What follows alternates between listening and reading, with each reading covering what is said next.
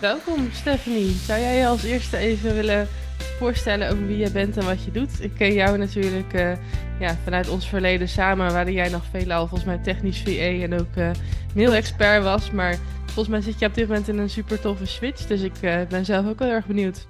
Ja, nou, ik ben de Stephanie de Geus. Um, en ik zit inderdaad in een hele toffe switch. Want ik ben van uh, journalist naar contentschrijver naar technisch VA. En nu uh, ben ik bezig met content en business coaching. En dat houdt in dat ik eigenlijk het, het grootste gedeelte van mijn werk is mensen leren beter schrijven. Ja, uh, want wat ik heel erg merkte als, als technisch VA en op een gegeven moment ook toen ik, toen ik met funnels en met e mailmarketing bezig was, dat mensen zeiden van nou, ik wil een funnel. Nou, die zal jij vast ook wel gehoord hebben. En dat ze dan eigenlijk gewoon zeggen, ik wil een funnel. En dat je dan zegt, oké, maar wat wil je ermee bereiken? En dat, dat ze dat eigenlijk dan niet wisten. En als ze dat al wel wisten, dat er een soort van die gorddroge mails over de, over de mail binnenkwamen, waarbij dat ik echt dacht, ah, dit, dit, dit kan beter, er zitten betere verhalen in. Ja. En ik ben dus nu echt bezig met mensen leren hoe ze dat zelf kunnen, omdat ik er oprecht in geloof dat als je iets verkoopt, dan komt het het beste vanuit jouw eigen energie en niet vanuit iemand anders die jouw mail schrijft. Ja, zeker. Mee eens. en uh, hoe help je ze daar dan bij? Dat mensen het toch zelf kunnen? Want ik weet ook van mijn klanten dat ze dat vaak echt super ingewikkeld vinden. Van ja, ik ben gewoon niet goed in schrijven, ik kan dat niet en jij kan het wel. Dus daarom willen ze dan vaak uitbesteden. Maar hoe kijk jij daarnaar? Uh, ik heb verschillende methodes die ik inzet ervoor. Een daarvan is journalen, daar zal ik zo even verder op ingaan. Maar het andere is ook heel erg dat mensen teksten naar mij toesturen. En dat ik het dan ga verbeteren, ga aanpassen. En dat we er dan samen doorheen lopen. Zodat ik ook echt kan zeggen van... hé, hey, maar daar maak ik deze keuze. Daarom werkt dit beter. Maar ook als ze dan een tekst schrijven, dat, uh, dat er bijvoorbeeld gaten in zitten. Dat ze bijvoorbeeld iets zeggen. Ik had net ook nog een tekst van iemand. En die zei van, herken je dat? Je hebt vroeger niet leren omgaan met emoties. En ze ging meteen verder in het verhaal. Oké, okay, geef daar dan een voorbeeld van. Hoe ziet dat er dan uit? Was dat vroeger dat jouw moeder zei dat je niet mocht huilen. Dus dat je daarom er niet mee hebt leren om te gaan. Maar maak het beeldend. En op het moment dat je in de teksten van mensen dat zelf aanwijst. Van hé, hey, hier zitten de, de, gaten waar je iets mee moet. Dat is het moment waarop mensen dan zeggen, oh, werkt dat zo? En dat kan je aan de voorkant soms bijna niet, niet uitleggen. Dat moeten ze echt in hun eigen teksten zien. Nee, ja, dat uh, herken ik, ja. Dat je inderdaad toch meer het verhaal mag aanvullen vanuit je eigen ervaring. Ook al is dat soms best spannend, omdat je dan toch opeens persoonlijk en kwetsbaar moet zijn over inderdaad, als jij iets schrijft over die emoties, mag je opeens ook zelf gaan vertellen hoe jij dat dan uh, gedaan hebt, ja. Ja, en, en dat, dat merk ik dat dat heel moeilijk is voor klanten. Want ik had er laatst ook iemand en die zei van...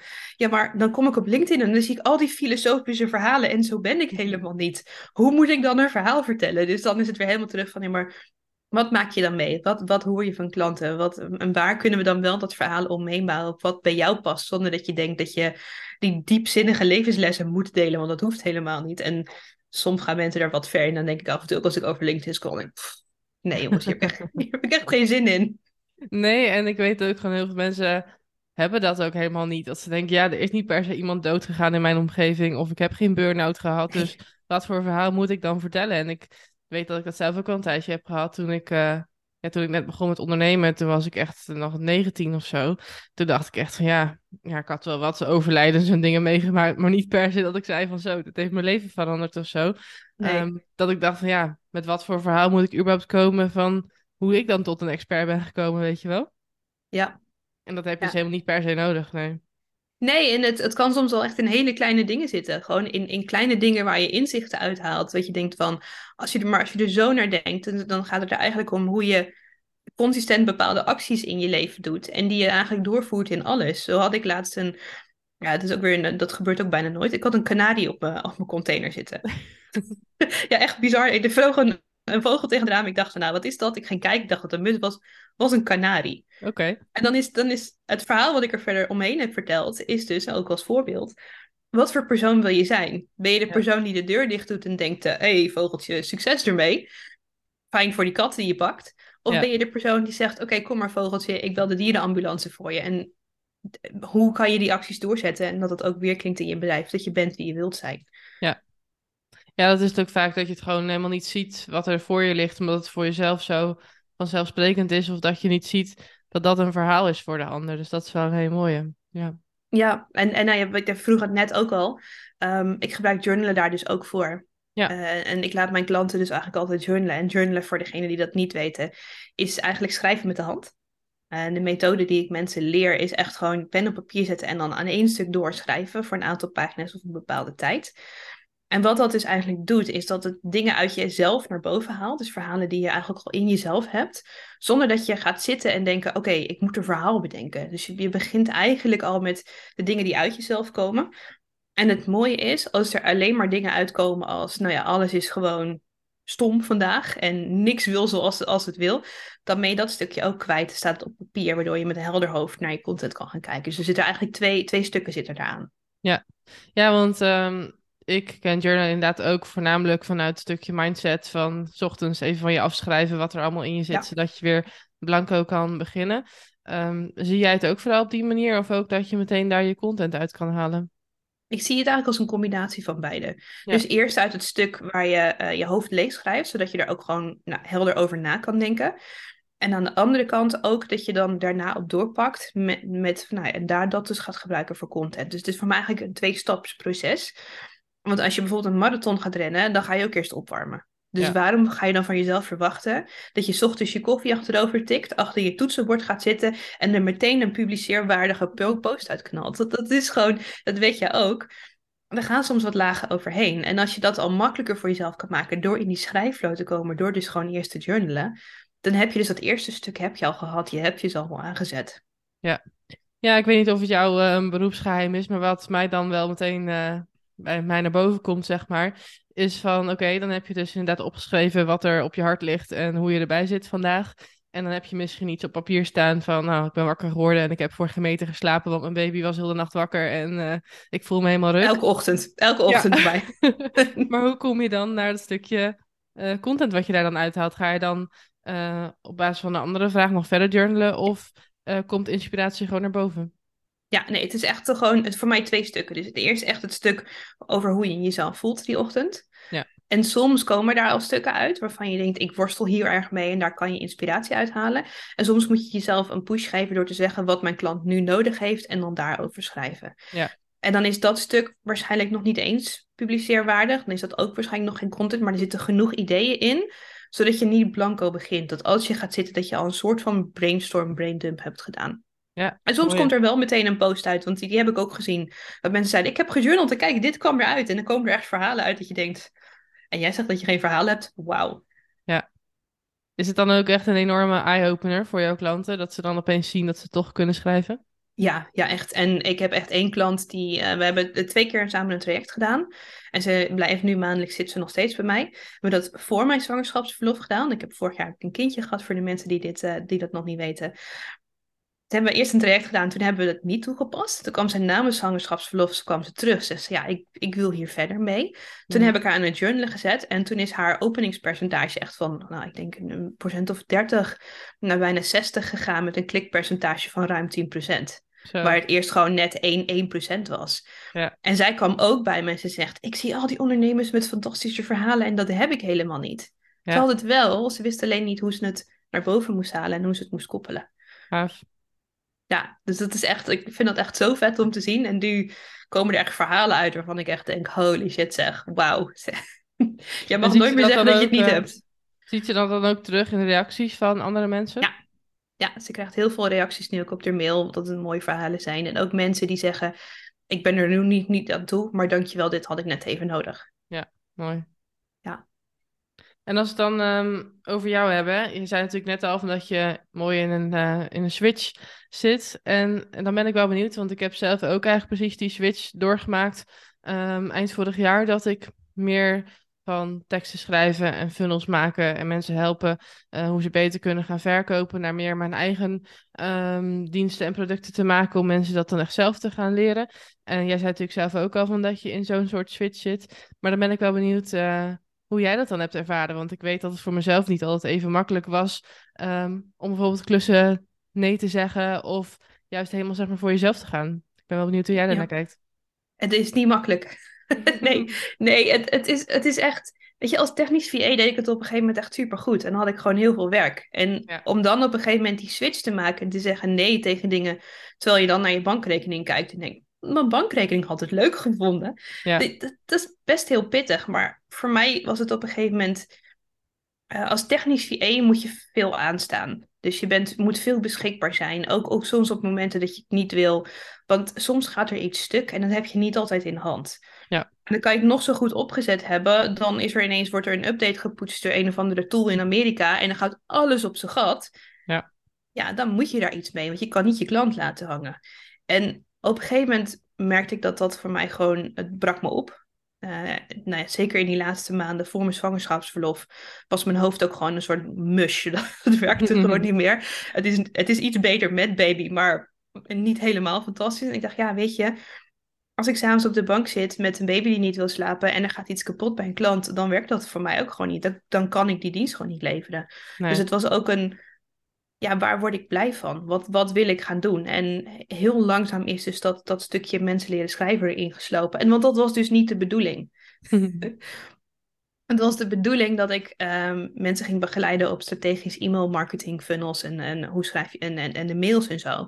Ja. En toen heb ik eigenlijk in december heb ik voor de lol, heb ik de journal, echt gewoon voor de lol, de journal cursus voor ondernemers uh, gelanceerd. Omdat ik dat altijd deed. En ik dacht, iedere ondernemer moet journalen. Het is goed voor je mental health. Je haalt de content uit.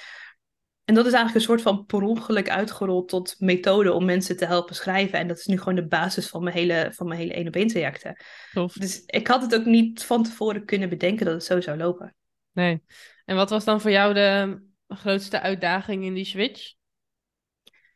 Ik denk Um, als je midden in zo'n switch zit, kan je niet zo goed zien waar je naartoe gaat. Mm-hmm. En soms heb ik dat nog steeds wel, dat je dan denkt van, was dit de juiste keuze? Straks komen er geen klanten meer. Weet je, al die, Ja. al die onzekere stemmetjes die dan even naar boven komen, dat je echt denkt van, ja maar het gaat heel goed. Waar, waar maak je druk om? Maar toch wel eventjes die, die ja, vertrouwen houden dat dit de juiste keuze is. Mhm.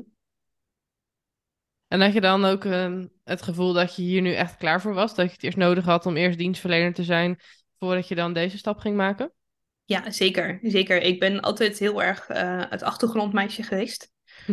Om het even van, weet je, ik wilde niet in de spotlight staan. Dat was niet mijn ding. Ik weet nog heel goed een gesprek wat ik met mijn zusje had. Die zei op een gegeven moment van, Huh, maar vind jij presenteren niet leuk dan? Want ik vind het leuk en papa vindt het leuk. En waarom vind jij het niet leuk dan? Nou, ik vond echt spotlight verschrikkelijk. Als je me had gezegd, je gaat een podcast starten, een podcast opnemen en webinars geven, had ik echt gezegd, oh hell no, dat gaat echt niet gebeuren. Dus ik had het wel eerst nodig. En ik had het ook Ehm, weet je, je hebt van die succesverhalen, die, die zijn dan binnen een jaar, zijn ze topcoach en dat soort dingen. Nou, dat is echt helemaal good for you. Ja. Maar ik moest even de detour nemen via de andere kant om, om hier echt klaar voor te zijn. En ja, eh, mijn zwangerschapsverlof heeft daar heel erg aan meegeholpen. Om echt even dat stapje terug te doen en te denken, word ik hier nou echt heel erg blij van? En uiteindelijk was het antwoord dus nee. Mooi. Dat zie je natuurlijk vaak, hè, dat mensen toch even tot rust moeten komen, even een paar maanden niks doen en dat er dan toch opeens iets uitkomt dat je toch een hele andere weg in mag slaan, wat je dan niet Ja. ziet als je er zo middenin blijft hangen. Ja. Nou, dan moet ik eerlijk zeggen, een kind krijgen is niet rust nemen. Nee, maar tijdens je verlof dan, hè? Niet, eh niet erna. Ja, Ja, nou, ik moet wel zeggen dat op het moment dat, eh, dat mijn zoontje geboren is, ehm, heb je dan daarna heb je nog tien weken verlof. Eh, was hartstikke leuk, maar ja, weet je, dan zit je vast onder een slapende baby die alleen Ja. maar op jou wil slapen. En toen begon ik me wel echt mentaal echt een beetje te vervelen. En toen heb ik heel veel business podcasts geluisterd en gedacht, ja, het is wel echt tijd om, om dus die volgende stap te nemen. Tof. Ja. En jij ehm, hebt ook online cursussen. Hoe, Ja. eh, hoe werkt dat voor je? Ik moet eerlijk zeggen dat het niet mijn hoofdding is. Eh, ik heb, vorig jaar heb ik een, een echt een hele leuke promo gedraaid voor eh, de journal cursus, voor de lancering. Eh, dat was echt heel erg leuk om te doen. Maar echt mijn focus ligt voornamelijk op de één op één. En mijn online cursussen zijn echt als ondersteuning daarvan. Ja. Of En- als kennismaking. Dus het is, het is een soort van, het, het hoort bij elkaar. En zie je dat ook? Dat als jij een online cursus aanbiedt en mensen stappen daarin, dat ze dan daarna doorstromen naar een traject bij jou? Ja, eh, voornamelijk de journal cursus, omdat mensen dan daar wel echt de, de tools krijgen. Maar dat ze dan op een gegeven moment toch vastlopen in dat stuk van, oké, maar het lukt me niet alleen, kan je eens een keertje meekijken met die teksten. En dat is niet omdat die cursus dan, ehm, nou, niet goed is, maar meer Mhm. omdat je, je, je bent je eigen blinde vlek. Dus als Ja. je naar je eigen teksten kijkt en je hebt nooit geleerd om te schrijven, want laten we heel eerlijk zijn, je kreeg vroeger een opstelschrift en een pen en oh, holle, schrijf, schrijf een opstel en dat was het. Ja. Dus je hebt het ook niet geleerd, dus dan weet je ook niet waar je naar kijkt om je tekst beter te maken. Nee, dat is ook zo. En jij wel. ja, nou jij ook. Ja. En, en dat, dat, dat is het gewoon. Dat mensen dan daar tegenaan lopen van... Oké, ik ben nu wel lekker bezig, maar ik moet die, die volgende stap maken. En die is gewoon soms makkelijk om die samen met iemand te doen. Ja, zeker weten. Ja.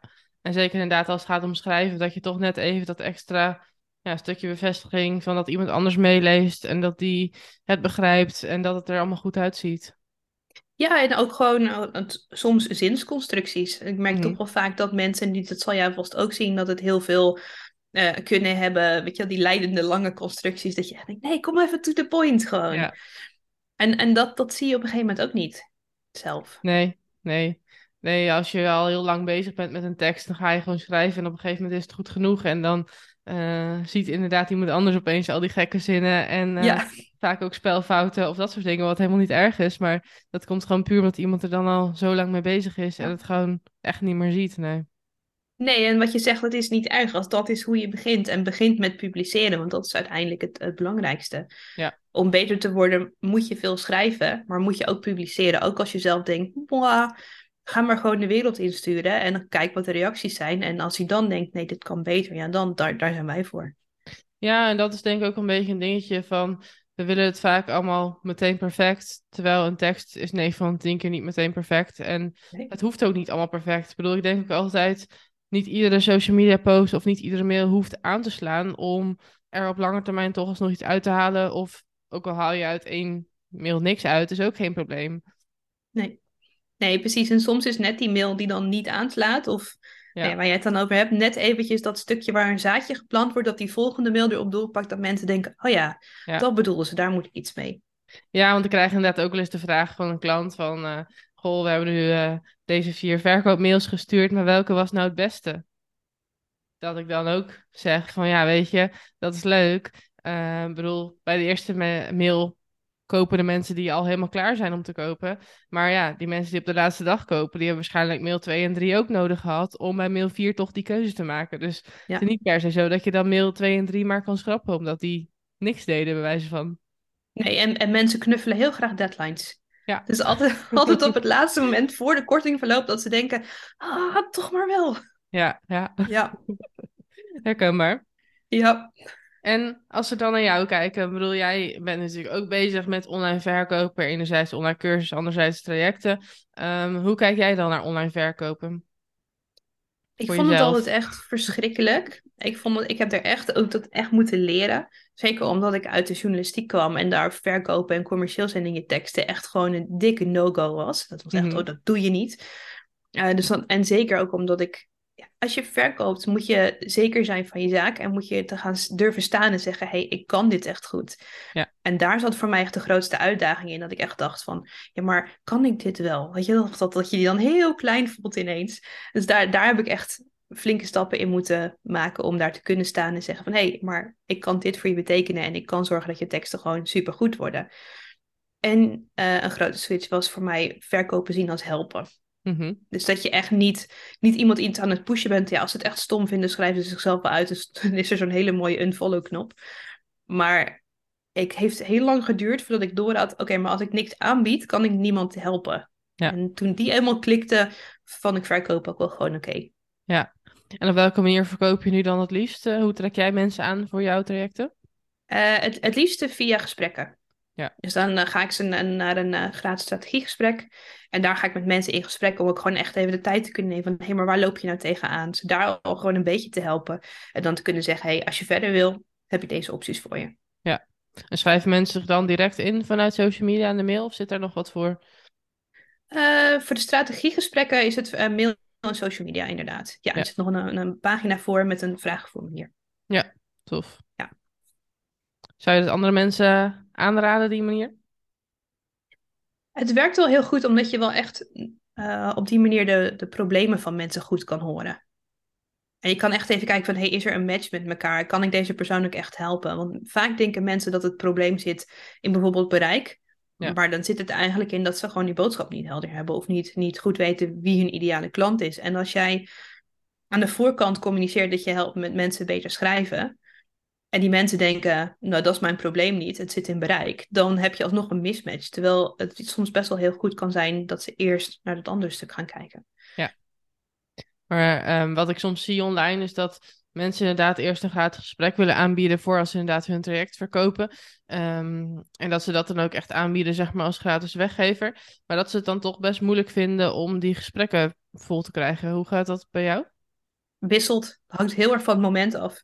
Ene moment heb ik wel aanmeldingen, het andere moment blijft het stil. Ja. En het is niet per se een gratis weggever bij mij. Het is echt een soort winactie. Dus ze kunnen echt gewoon zo'n gesprek winnen. En dan is het ook niet dat ik dan vage tips geef of zo. Maar dan gewoon echt een uur, een uur lang echt gewoon in hun bedrijf ga zitten met hun. Dat ze aan het eind, ook als ze niet verder gaan, in ieder geval verder kunnen.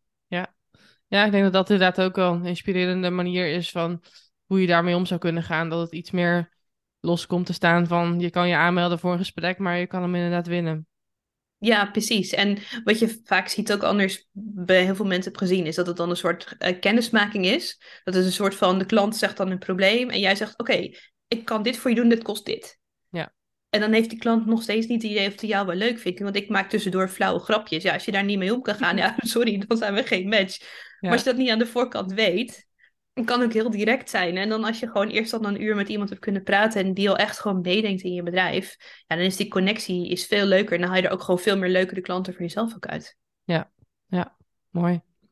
En wat zou jij graag, of wat had je graag eerder willen weten over online verkopen? Voornamelijk dat stukje dat het echt mensen helpen is. Ja. En echt gewoon dat stukje zelfvertrouwen wat ik echt, nou, de afgelopen twee jaar eh, heb gegroeid. Was ook wel leuk als dat wat eerder was geweest. Had dingen wat makkelijker gemaakt. ja, precies. Maar dat is ook, Maar- is ook een aparte reis nog erbij. Hè? Dus dat, eh, ik, ik kom van heel ver. Ik kom echt vanuit, de, en als we het dan toch over grote verhalen hebben, vanuit de burn-out, depressie, dat soort stuk. Ja, dan moet dat natuurlijk helemaal weer op, van nul op aan opbouwen. Ja, ja. En hoe heb je dan gezien, of hoe heb je jezelf toch aangeleerd dat verkopen helpen is? Voornamelijk door het heel veel te doen. Door het gewoon uiteindelijk maar ja, te gaan doen, die gesprekken met mensen aan te gaan. Door met mensen, aan de mensen te vragen wat hun probleem is, waar ze tegenaan lopen. En daar al gewoon op dat moment in meedenken. En ik heb verder gewoon ja, heel veel cursussen gevolgd, heel veel trainingen gevolgd. En daarnaast ik heel veel aan persoonlijke ontwikkeling gedaan. Ja. En gewoon bij andere mensen gekeken hoe zij het doen. Die werkt ook altijd heel goed. Ja. Niet kopiëren, maar meer kijken ze van... hey, Ja. waarom doe jij dit? Waarom doe je wat je doet? En, en wat doe jij anders dan ik? En niet zo Ja. van jou kopiëren, maar het, het reflecteren als een soort spiegel. Ja, en ik denk dat je inderdaad ook gewoon mag kijken van wat past dan bij jou. Ehm, kijk, ik weet van mezelf vanuit mijn eh, eerdere jaren dat ik dan toch geneigd was van hé, hey, ik zie bij Pietje dat dit goed werkt, misschien moet ik dat ook eens gaan doen. Maar dat je daarbij inderdaad wel mag blijven kijken van past het dan ook daadwerkelijk bij jou? Want we hadden natuurlijk in het begin ook al over webinars en presentaties en dergelijke. En dat is denk ik iets waar je in kan groeien, maar het kan ook iets zijn wat gewoon absoluut niet bij je past. Ja, En ik denk ja, niet dat je dan tegen jezelf moet zeggen van, oh, bij Pietje werkt het zo goed, dus ik moet me ook maar forceren tot een webinar. Ja, en, en ook, eh, het werkt nu niet. Ja. Maar misschien zou het later wel kunnen. Webinars voor mij, ik vind, ik vind helemaal niks. Nee. Het werkt voor mij nu niet. Misschien kom ik over een jaar dat ik denk van, ah, ik wil nog een keer proberen, vind ik het dan wel leuk. Ja. Maar wat voor mij wel werkt, zijn mijn contentuurtjes. En dan heb ik een gratis contentuurtje waar ik in ieder geval een klein stukje theorie mee geef. En dan echt met mensen ga schrijven. Dus echt die journal-opdrachten waar ik net over had. Dat ik ze daarin begeleid. En dat je dan, nou, dat werkt dus. Want daar hebben mensen resultaat uit. En dan zie je ze ook echt zo terugkomen met, ik dacht dat ik niks te vertellen had. Ik heb gewoon drie pagina's volgeschreven. Dat Ja. vind ik veel leuker dan gewoon tegen zo'n webinar ding een beetje zitten lullen. Absoluut. En geen connectie met de mensen hebben. Het gaat voor mij echt om die connectie. En doe je dan ook aan het eind een upsell of is het gewoon van als je zin hebt, dan eh weet je me te vinden? Nee, ik doe wel echt een upsell. Eh, wat ik met het contentuurtje meestal doe, is dat ik een, een, een soort mini-versie van mijn één op één traject aanbied. Eh, dus dat had ik de laatste keer had ik eh 200 euro voor twee sessies. Met daarbij, mocht je dan instappen in het één op één traject, dan krijg je dus die 200 euro nog weer korting daarop. En heb je dus eigenlijk twee sessies gratis gehad op het hele traject. Leuk. Dus dan kan je echt even proeven van, werkt dit voor mij? Vind ik dit leuk? En daar stromen mensen uit door. Super. Ja, En als laatste, eh, wat zou je nog tegen iemand willen zeggen of aan iemand willen meegeven die ook in zo'n switch zit van ja, dienstverlening naar toch meer je eigen producten en trajecten? Eh, wat zou je zo iemand willen meegeven? Sowieso zoek een business coach. Dat heeft voor mij heel erg geholpen. Ga het niet proberen alleen te doen, want ja, je weet niet wat je niet weet. Ja. En ja, ga het gewoon doen. En het, het, een van de grootste belemmeringen is van, maar wat als ik het niet leuk vind? Dan ga je toch weer terug naar wat je deed. Want dat Ja. kon je, dat was leuk, dat werkte. Probeer het gewoon. Ja. En als het niet werkt, nou, dan, heb je, dan heb je nog altijd nog plan A. Mooi. Super. En ehm, nou, als allerlaatste, waar eh, kunnen mensen jou vinden? Of voornamelijk zich op aanmelden Instagram. voor jouw contentuurtje? Eh, voornamelijk op Instagram via Stephanie met ph.degeus. En op thestoriesparks.com, daar staat ook een, een linkje naar het contentuurtje. Ik zal je de linkje ook even sturen, zou je hem in de beschrijving kunnen zetten. Ja. En het eerstvolgende contentuurtje, ik weet niet wanneer die online komt, maar die is volgens mij uit mijn hoofd op 11 mei. Ik doe er eigenlijk maandelijks stuk er wel eentje. Ja, superleuk. Ja. Nou, dankjewel voor deze waardevolle informatie en deze leuke podcast. Ja, dankjewel. Leuk dat ik eh, de gast mocht zijn bij je. En leuk om een keer zo in gesprek te gaan samen. Ja, toch? Ja.